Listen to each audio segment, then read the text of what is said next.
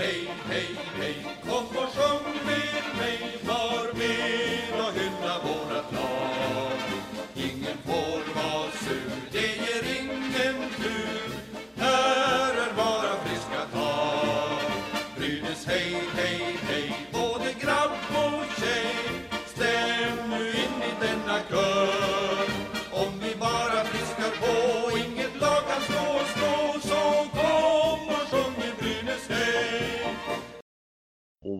varmt välkommen tillbaka till ännu ett kvalspecial här i Brynäspodden.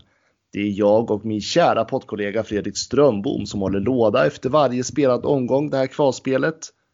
Men jag undrar Fredrik, behöver jag ens ställa frågan hur du mår nu? Nej, jag tror inte det. Jag, jag, fly, jag flyter lite på moln här. Jag är så lättad och det är... Det är väl som Alsen sa efter matchen i och för sig. Vi har inte vunnit någonting än. Vi ska fyra vinster till, men, men det känns väldigt bra i magen just nu. Ja, men jag tror det. Jag tror att många brynäsares axlar sänktes ganska mycket idag. Ja, Jag tror man liksom så här. Ah. ja verkligen. Speciellt eftersom så matchbilden såg ut hela tiden. Det var ju aldrig riktigt nära heller. Nej, alltså jag, jag tänkte säga det. Vi pratade ju förra avsnittet om att vi såg den bästa matchen hittills i det här kvalet. Det här var den bästa matchen hittills i det här kvalet. Ja, Första perioden, om vi bara går igenom den, vad har du att säga om den? att det var ett jäkla tryck. Det smällde i sargerna, man skapade chanser. Man satte tyvärr inte alla dem, men det är ju en... eh, ja, hade vi gjort det så hade vi inte velat kvalspel nu i och för sig. Men, men det var ett tryck och jag tycker att man visade att man, man kom ut och, och var redo för den här matchen på ett helt annat sätt än vad HV var. Alltså jag tror man chockade HV lite grann tror jag. Alltså det Ja. var verkligen liksom att eh, ja, men Brynäs stod verkligen och visade, eh, man tog tag i taktpinnen och liksom visade att vi, vi ska vinna det här. Eh, och det, det var så otroligt, alltså jag var inte själv, man var själv inte beredd på den här inledningen. Jag trodde att HV skulle gå, komma ut mycket starkare, eh, tanke på deras seger senast och liksom vad det är man faktiskt kämpar för i det här läget, plus att man är på hemmaplan. Eh, Så Mm. trodde jag definitivt att man skulle vara mycket tajtare och mycket mer aggressiva mot Brynäs. Men alltså det var Brynäs som förde spelet. Man hade, vad ska man säga, man vågade mer, man tog mycket mer initiativ och liksom ett helt annat Brynäs än vad jag är van att se överhuvudtaget, måste jag säga. Det enda jag tycker är jäkligt synd, det var att inte Greg Scott fick göra mål. Ja, herregud. Han, så många chanser han börjar få ihop nu. De sa väl till och med det i sändningen att det, det ligger ett skott eller ligger ett um, mål i luften och skott är het. Ja, verkligen. Han håller sig på rätt ställen och det är ju den lilla, antingen så är det någon liten passen lägger sig inte perfekt på hans blad eller den wobblar lite. Eller det ja, han, han måste ju få, eh, få näta nästa match.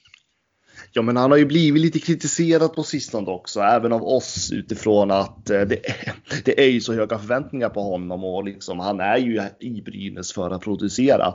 Mm. Ehm, och vi har ju liksom diskuterat han och Anton Rudin och deras liksom om det är så att de spelar skadade eller vad det är som gör för att de är ju inte på samma nivå som de har varit tidigare eh, så att Ja. säga. Men i den här matchen tycker jag, alltså vilken inledning av de två och Greg Scott eh, Nej, jag bara, jag bara satt och bara vänt, önskade att han skulle få göra ett mål. Det var liksom, han kände så värd det på något vis. Ja, verkligen.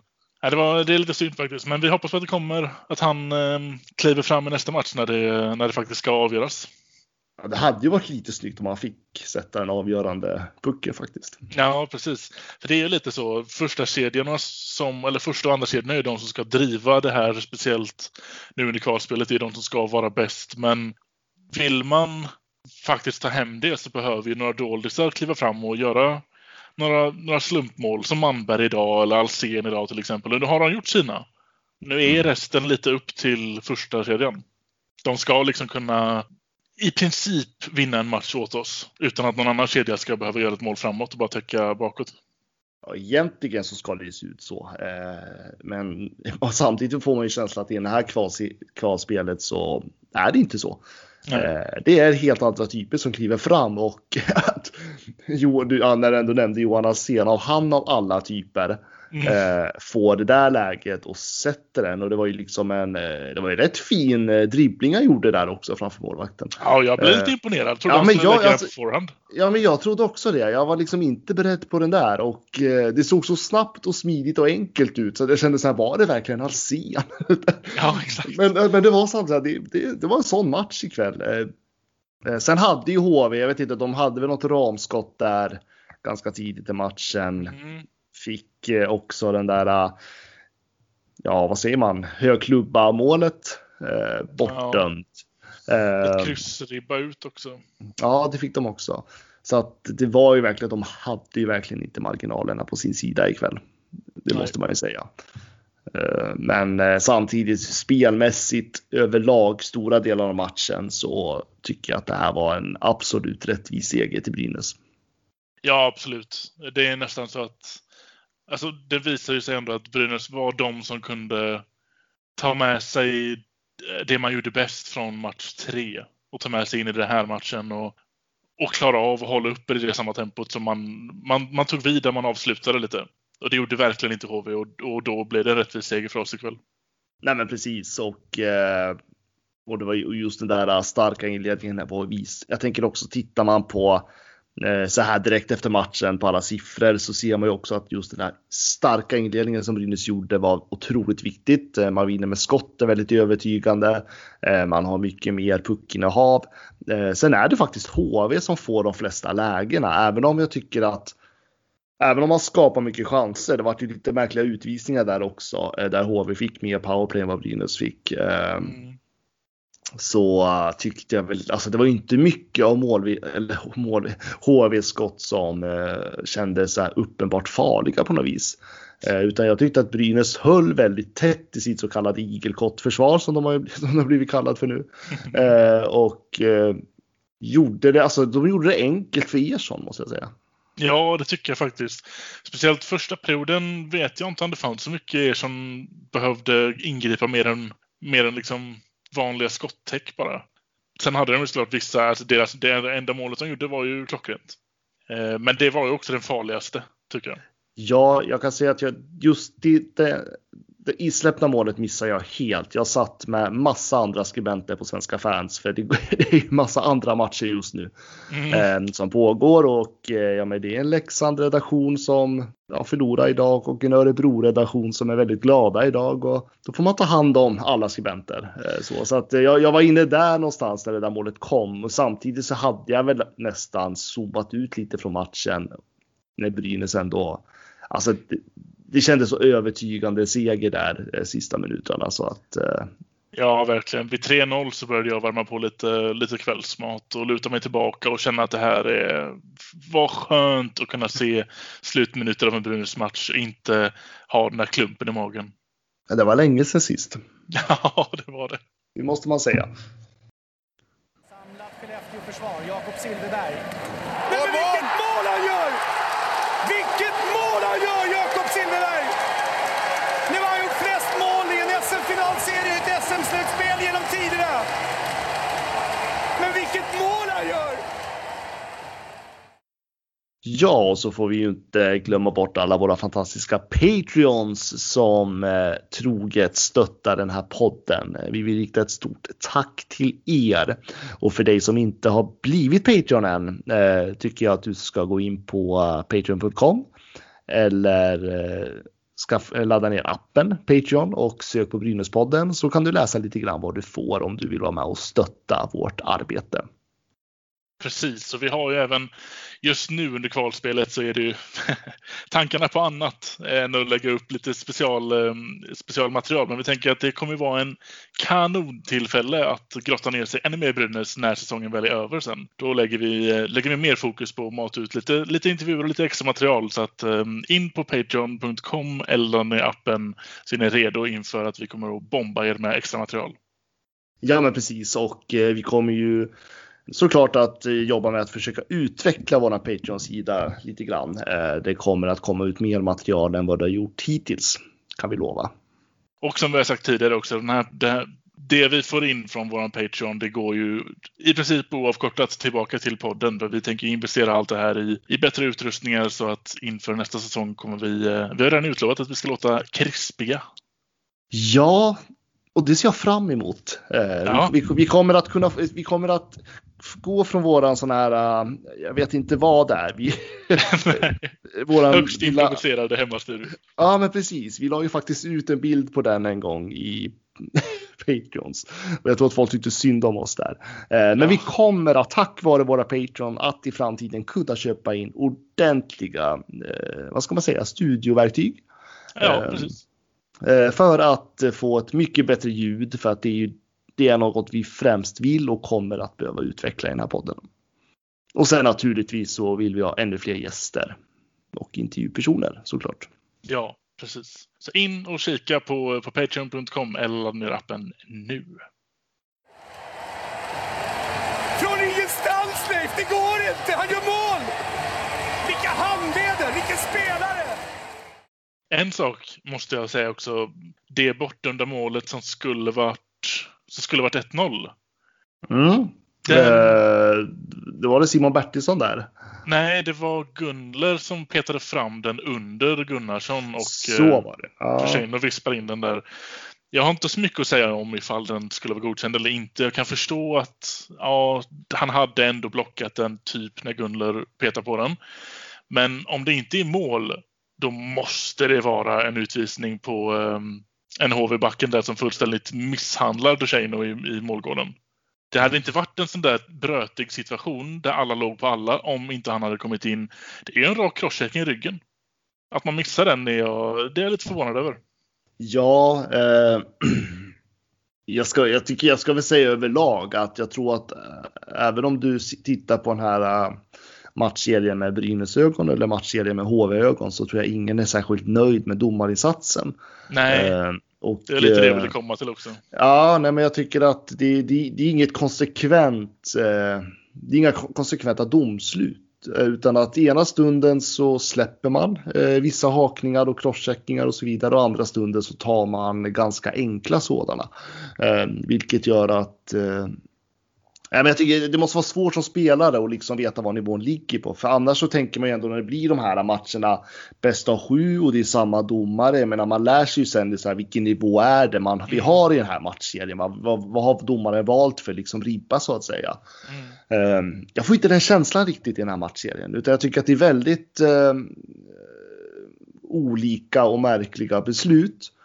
Samtidigt som jag också tycker att eh, det är bra att man, inte att man ändå försöker undvika viktiga, om man tänker de här målbesluten, att man ska ringa vid när det är osäkra mål och så vidare. Eh, Men just de andra, när det handlar om crosscheckingar, hakningar, eh, för det är otroligt mycket sånt på isen om man egentligen Ja. tittar. Eh, Ja, det är men väldigt just mycket. det här- Ja, men just det här liksom att, alltså, att man är konsekvent, konsekvent i sitt, tänk, alltså, i sitt beslut där. Det tycker inte jag att den här domarstaben som är med i det här kvalspelet riktigt har. Ehm, sen vill jag inte stå här och gnälla på domaren heller, men eh, det blir ett irritationsmoment även om man vinner matchen. Ja, precis. Ja, men det är lite så. Jag tror att man...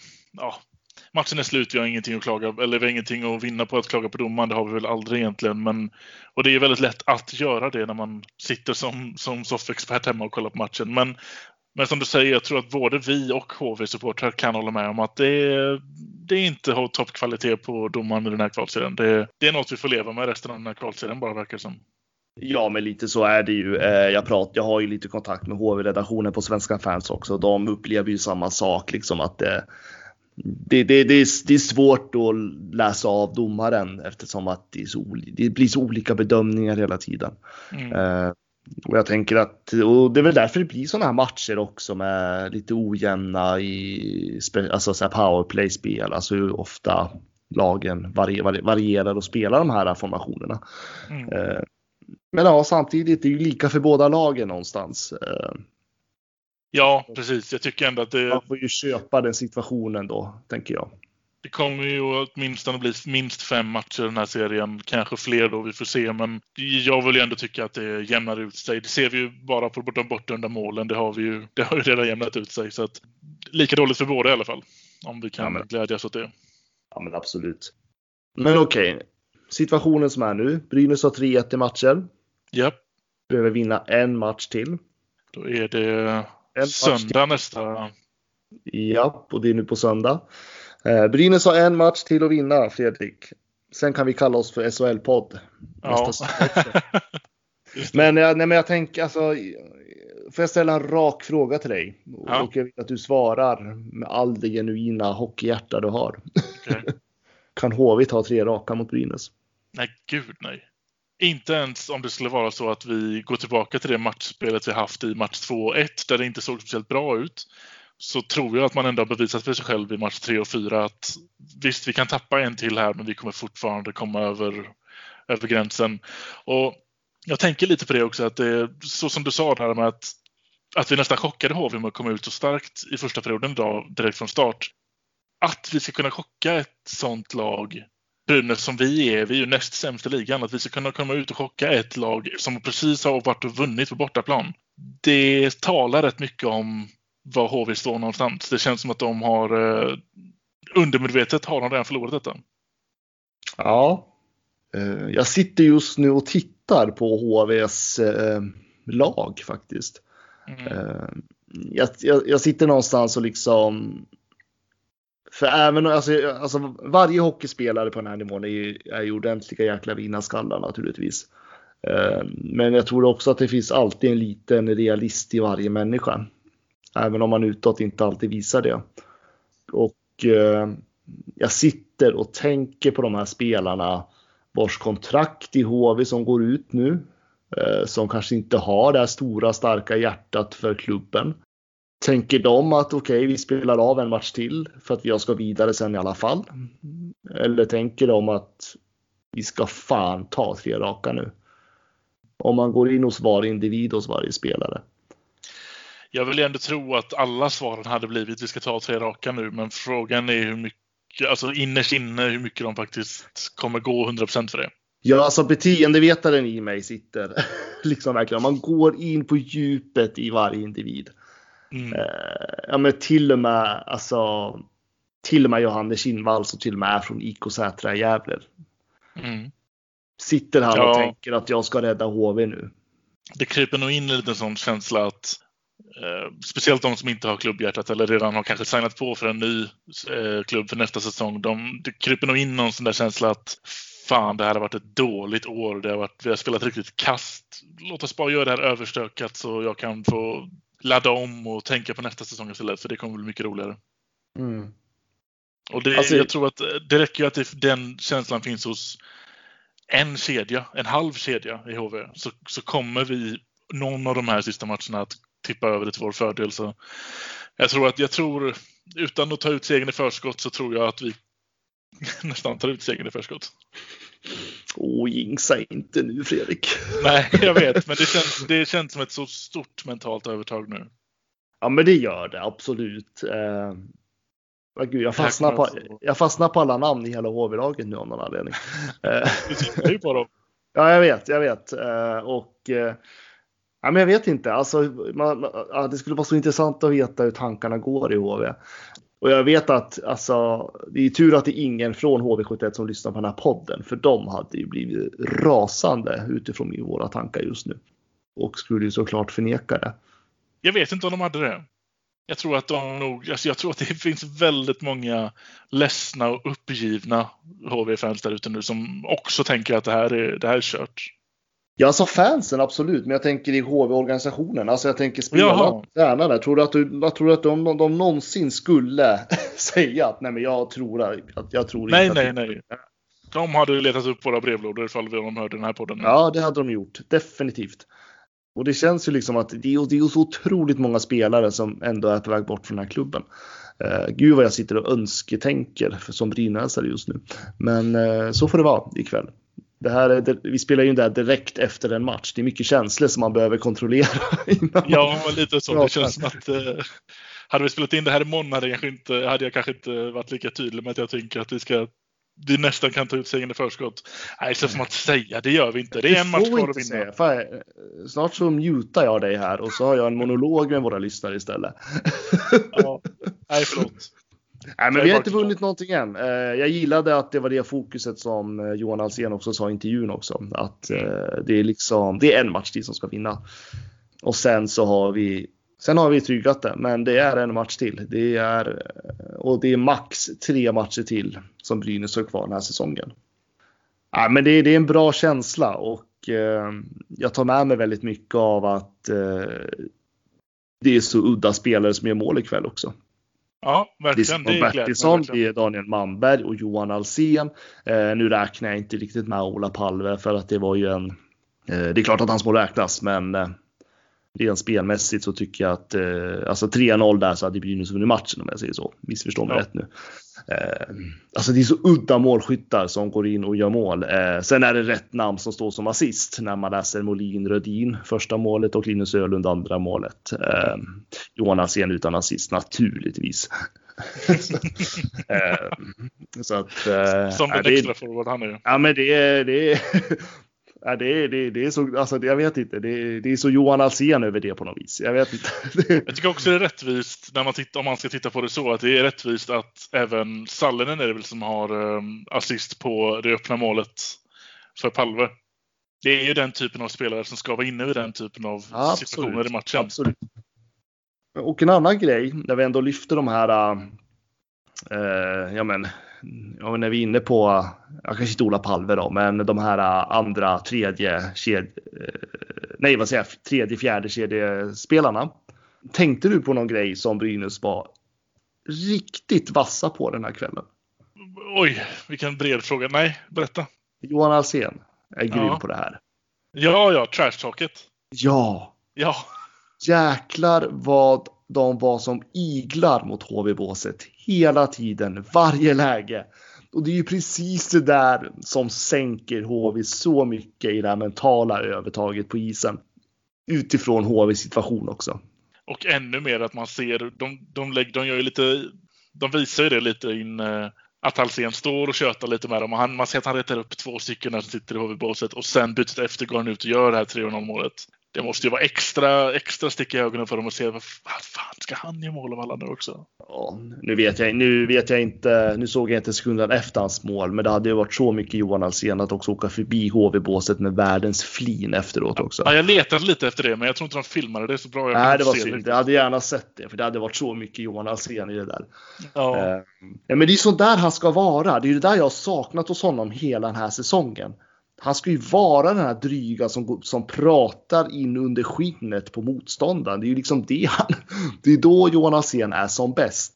Mm. Och han har liksom inte riktigt fart i den här säsongen på samma sätt. Ehm, för att jag menar, jag är jättekrit, jag har ju varit jättekritisk till honom den här säsongen och eh, det är klart att den kritiken står jag kvar vid. Jag tycker inte att han är en riktig spelare som höjer, men ikväll måste man ändå lyfta fram honom. För jag tyckte att han gjorde det som hans roll säger att han ska göra. Ja, men precis. Jag tycker, ja, precis. Och jag får nog ändå tycka att jag under säsongen ändå har försökt få fram att min, mitt enda värdet jag ser i honom är avlasta under grundserien om någon skulle bli skadad i någon femma, gå in och fylla ut den. Men han gör ju bara sitt bästa eller han kommer fram i sin bästa form när han får möta samma lag flera gånger. Så om det är antingen är en kvartsfinal eller om det är en kvalserie. Han behöver ju få flera chanser på sig att komma under skinnet på dem. För nästa match kommer ju vara likadan. Ja, absolut, absolut.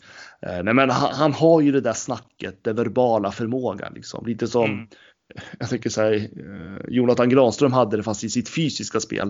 Eh, Exakt. Så har Johan Alsen det i det, liksom, i det här själva snacket. Liksom all, alltså, så att det, jag, jag, kan hålla med dig i det faktiskt, när du ändå säger det. Att i sådana här situationer, när man möter samma lag om och om igen, där tror jag att Johan Alsen kommer i sitt esse på något vis. Mm, han eh, frodas i sådana tillfällen. Ja, jag menar han gör lite det. Eh, så där kan jag hålla med dig. Det tycker jag att det är viktigt att ha. Alltså jag förstår det under grundserien. Nej, han tillför inte supermycket och han kanske han ska vara extra forward hela grundserien. Om ens det. Men, men man måste ha en sån här spelare när det kommer till matchserier. När vi inte hade Granström längre så tycker jag att man märkte stor skillnad på det. När Alsen inte var då hade han en permanent, vad var det, tredje line eller någonting. Och Nej, man ska spara honom till en, en, kvals, en serie, liksom, matchserie och då ska man ha någon typ av sån här fysisk eller verbal som bara, nej du ska bara vara under skinnet på dem. Det är den enda uppgiften du har. Ja, det är bra. Fan vad skönt det är att vi får sitta och liksom så här uh, lyfta fram de där uh, grovjobbarna nu helt plötsligt. Mm. det, det, var inte igår kan jag säga. Uh, man sitter liksom, ja men alltså, vi, ja, vad härligt det känns. Jag måste bara säga det. Ja, det är en väldigt stor knut som har släppts från magen och ja, det känns, just nu känns det väldigt bra. Det tycker jag ändå att man kan kvällen ut här i alla fall så ska man bara få ha positiva fjärilar i magen. Sen får man ladda om, det är söndag, då är det då ska det smälla i sargen igen. Men ikväll njuter vi. Ja, men man får göra det. Eh, och det är väl det som var lite syftet med de här kval specialpodden som vi kallar det för. Det är ju att ha de här eh, ja, men lite känsloåsikten, man ska säga, direkt efter match. Eh, så att eh, Ja, man kommer njuta idag, man kommer, eller ikväll. Man kommer säkert njuta idag när den här podden släpps. Men mm. sen blir det lördag och då börjar man bli påmind om att det är match igen på söndag. Mm. Sen blir det söndag och då kommer nerverna spökandes igen. Eh, det är liksom. Det är bara håll i, håll om, håll ut på något vis. Eh. Ja, det ska bli väldigt skönt. Nej, nej, jag tänker inte säga det där. Nej. Säg ingenting. Nej, jag, är, jag får passa mig lite här nu. Får jag säga en sak om eh, våran eh, nya headcoach? Ja. Josef Boumedienne, som jag nu har valt att så ska jag uttala det. Ja. Nej, men det jag tyckte var lite så här, ja men när HV trodde att de eh, reducerade där, eh, ja men målet som var bortdömt på grund av hög klubba. Mm. Såg du att han rörde inte en min? Ja, det tänkte jag inte Nej. på... Om det, det inte det var då. Det var när, de, de gjorde ju närbild på honom precis när HV gjorde målet där och han rörde inte en min. Det var sån jäkla kyla i den karln alltså. Ja. Eh, som jag tyckte var jäkligt häftigt på något vis. Det var verkligen ingen tränare som sjönk ihop eller skrek fan eller liksom. Utan han var så jäkla fokuserad. Jag tyckte bara det var häftigt. Det var häftigt att se det är, det är ju någonting som den här tränarduon har gjort i den här gruppen som ja, är jäkligt positivt. Ja, verkligen. För även när man ser nu när vi spelar lite bättre hockey och de, alltså om man ska zooma in på riktigt korta sekvenser där det ser riktigt bra ut. Så, så det var väldigt länge sedan det gjorde det. Frågan är om det har gjort det 2021 hittills. Eh, jag skulle nu, nu har jag inget facit i hand, men jag skulle vilja hävda nej. Det har inte sett ut alls. Nej, kanske äh. den här mot Frölunda då. Var det ens 2021? Det känns som att det var fyra år sedan. Det var i höstas men... vi vann med 7-1 mot dem i alla fall. Okej, okay, ja, det, var det, det var det inte 2021 då. men vi gjorde väl någon bra match mot Frölunda också? Ja, jag vill minnas det. I, eh, efteråt också. Nu får ja. någon lyssnare rätta oss om vi har fel nu. Ja, eh, precis. Ja, men det känns som att det var väldigt länge sedan och, och om det var en sån match här mot Frölunda i, i våras så, så är väl det här i klass med det i så fall. Att man ändå de har ju lyckats plocka fram någon typ av ny spelglädje hos spelarna. Ja, men jag tycker snarare, alltså det, alltså det jag tycker är tydligt är, alltså själva spelsättet är inte en jättestor skillnad egentligen tycker jag. Uh, alltså nu pratar jag spelsystem som alla tjafsar om. Mm. Uh, jag tycker inte att det är ingen stor skillnad. Brynäs kör sitt igelkottförsvar och liksom man håller samma. Men det jag tycker skillnaden är att man har fått fram tydligare roller hos spelarna. Alltså de är ju, spelarna är ju tillbaka till där de ska vara. Mm. Eh, lite grann. Alltså jag tänker typ Johan Alsen eh, med det, han, det jobbet han gör. Eh, eh och jag menar, andra, andra och första kedjorna gör det jobbet de ska göra.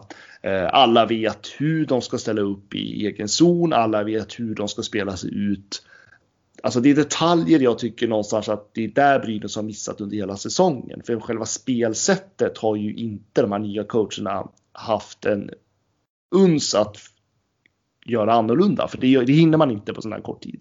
Men det är små, små detaljer som man har lyckats. Jag vet inte om det handlar om att man bara har kommit in med en energi eller om man bara har givit spelarna möjligheten att få vara kreativa så som man själv vill spela sitt eget spel utifrån den rollen man är tilldelad. För nu ser man ju det här äh, modet att våga prova något annat. Man vågar dribbla lite mer. Man vågar gå in på målet. Man vågar helt andra sätt än vad vi har sett tidigare. Ja, faktiskt. Jag tänkte lite på det i slutet av tredje också. Jag hörde inte helt vad, vad de sa, men om det stämmer så ser det väldigt intressant för efter att vi gjorde 3-0 så började man ju rucka runt, eller flytta runt en del i kedjorna. Första serien såg ju inte likadan ut längre och den tog ju inte samma typ av speltid som andra, typ tredje, fjärde, när man ändå ska döda av tid och, och spela mycket i egen zon. Men jag tror att någon av dem nämnde att Molin plockades ut ur första kedjan och spelade knappt när vi ska försvara en ledning. Mm. Det är ju väldigt aktivt coachande samtidigt som jag tycker det är lite, jag, jag vet inte helt om det stämmer för Molin är en del av en av våra boxplay-uppsättningar så varför skulle inte han få spela på ledning? Ja, men han plockades ju bort vid tillfällen vet jag. Sen dök han upp där i något boxplay igen tror jag. Nu kommer jag inte ihåg vilken sammanhang det var eh, mm. på rak men, men det är det där, alltså, det är det där någonstans som jag tycker är så viktigt i ett ledarskap. Att man köper sin roll. Eh, man ja. blir, man, man, alltså, aktiv coachning med spelarna köper coachningen också. Mm. Man köper att okej, okay, jag blir bortplockad nu, men när jag får chans igen, då jävlar. Så. Eh, ja, men exakt. Ja, men och den känslan har ju inte funnits kring den tidigare ledarstaben på riktigt. Och det är det där som jag tycker är så viktigt med att man som ledare också ger möjligheter. Dels ska man ge spelare möjligheten att Alltså att varje kedja och varje tvåa och formation eller hur man nu vill uttrycka De ska ju få möjligheten att skapa något kreativt i, i, sin egen lilla bubbla så att säga. Alltså varje kedja har ju sitt eget spel va. Men sen måste man ju också sätta upp riktlinjer och ramar som coach hur man vill att spelet ska vara. Och man måste få hela gruppen att köpa själva grundidén. Ja, och det är det här jag tycker är liksom grundbult. Alltså nu är det här väldigt enkelt talat, men det är det här jag tycker är när jag pratar ledarskap som tränare så är det här jag tänker på. Eh, för det är lite som Boumedienne faktiskt säger att eh, i grund och botten så är det spelarna som ska göra jobbet på isen. Som coach kan man ju bara ge, försöka ge de absolut bästa förutsättningarna för spelarna ska kunna det, göra jobbet på isen. Mm. Och det kanske inte är så komplicerat ledarskap alla gånger som behövs. Nej, precis. Samtidigt är det lite mer tacksamt för dem nu, för nu är det ännu mindre komplicerat spelschema, eller spelsystem. Det är ju inte det är ingenting ja, man ska hämta in för att det här, gå... Men de har ju inte ens satt det här spelsystemet. De har ju bara kommit in med liksom helt andra tankar och energi och liksom fått spelarna liksom att lyfta sig igen.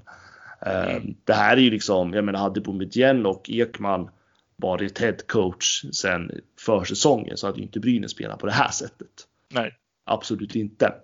Men jag tänker också, alltså det är så intressant ur ett ledarskapsperspektiv vad lite kan göra så mycket ändå i en ja. grupp. Ja, det där kommer alltid fascinera mig med människor och hur vi funkar. Eh, och det finns aldrig något facit eller rätta svar i sådana där uh, grejer, utan varje grupp har sin unika behov helt enkelt. Ja jag tror att Boumedienne har vunnit väldigt mycket på att han kommer in med ett väldigt stort självförtroende samtidigt som han har lyckats balansera det med en väldigt fin ödmjukhet på något vis. Ja, verkligen. Och jag tror att då köper ledarna det ledarskapet, eller spelarna det ledarskapet. Nej, jag håller bara med.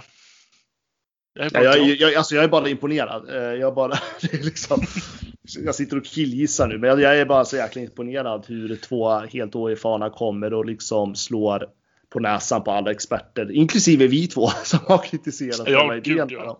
Eh, så att det är liksom, jag, jag är bara så imponerad över ledarskapet och hur de agerar i båset och signal, signalementet de ger till spelarna. För det signalementet ser ju vi här i våra soffor hemma. Ja. Ja, det var ju lite det som jag var rädd för inför, som jag snackade lite inför eh, när vi körde det här inför kvalserien med, eh, med Oskar från HV att även om vi nu skulle komma in och, och vinna den här kvalserien så kommer man höja Boumedienne och, eh, och Nisse till skyarna. Att det, det var ett genidrag och allt det här. Och, men att jag kanske inte tänker att det, de ska nog inte få så mycket cred för det är ju spelarna som ska göra det. Men jag känner nog lite att de ska få väldigt mycket cred för det här. För så mycket aktivt coachande och så den boosten vi ser måste ha stor del till dem att göra med. Och någonting säger mig att det är det här som spelarna själva har begärt. Mm. Jag tänker när man för någon gång den här, vad ska man säga, tidiga våren så har ju spelarrådet gått upp till ledning och styrelse och sagt att de behöver förändring. Mm. Eh, vi pratade om det här tidigare. Och det här måste ju vara en del i vad man har pratat om, att spelarna önskar ett helt annat typ av ledarskap i båset. Och jag tycker att det, det är tydliga signaler på vad, vilka, alltså det, det, är så, det är höga krav på spelarna och det är det jag gillar, för det är det aktiv coachning också visar. Att ja. det, det ställer ju krav också, man, man bygger förväntningar. Ja, och, och många man... spelare lyfts ju av att få förväntningar på sig. Och då menar jag inte förväntningar att du ska ut och göra mål, alltså, alltså supporterförväntningar. vi gör ett annat. Men just det här som ledare, att lyfta spelare genom att liksom att ge dem, ge vissa spelare lite mer istid för då lyfter de och andra spelare behöver liksom Nej men du, du är inte på topp idag, då får du vila lite mer och så markerar man via det och sen så ger man dem chansen igen. Mm. Det såg vi aldrig hos den tidigare ledarstaben. Inte alls lika tydligt i alla fall. Det var mycket mer tålamod med vem man, alltså för, det bänkas ju i spelare i mikroperioder under matchen nu som vi hade sett innan. Mm. Halve satt väl en del i första matchen till exempel? Ja, det gjorde han. Och just tålmodighet och det, och det är inte fel heller. I vissa lag är det skitbra. Men det beror helt på tror jag också vilka liksom, vart, vart befinner sig gruppen någonstans och vilka individer finns i gruppen och vilka är det som styr gruppen i själva, alltså vilka individer är lagets ledare så att säga. Både formella och informella ledare. Ja, exakt. Jag tänker bara på, åh, nu, nu försvann det namnet, han som tränade HV 2017. Ja, nej, det namnet har jag inte i huvudet. Nej, nu försvann, nu får ni ursäkta. Men han var ju motsatsen till Bulan till exempel.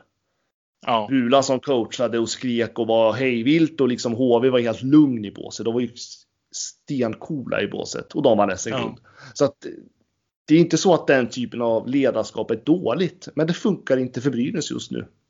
Nej, precis. Det är som du säger, det, det är så lite som kan göra så mycket. Absolut. Eh, men om vi släpper tränarna lite grann eh, så eh, jag vet inte, vi kanske ska avrunda nu också. Ja, jag tänker det.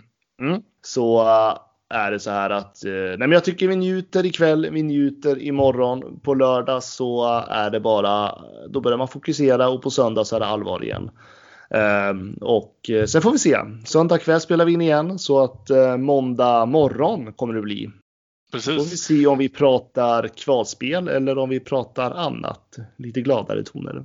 Ja, det ska bli spännande att se. Vilk, men vilken fredagskänsla det kommer vara imorgon.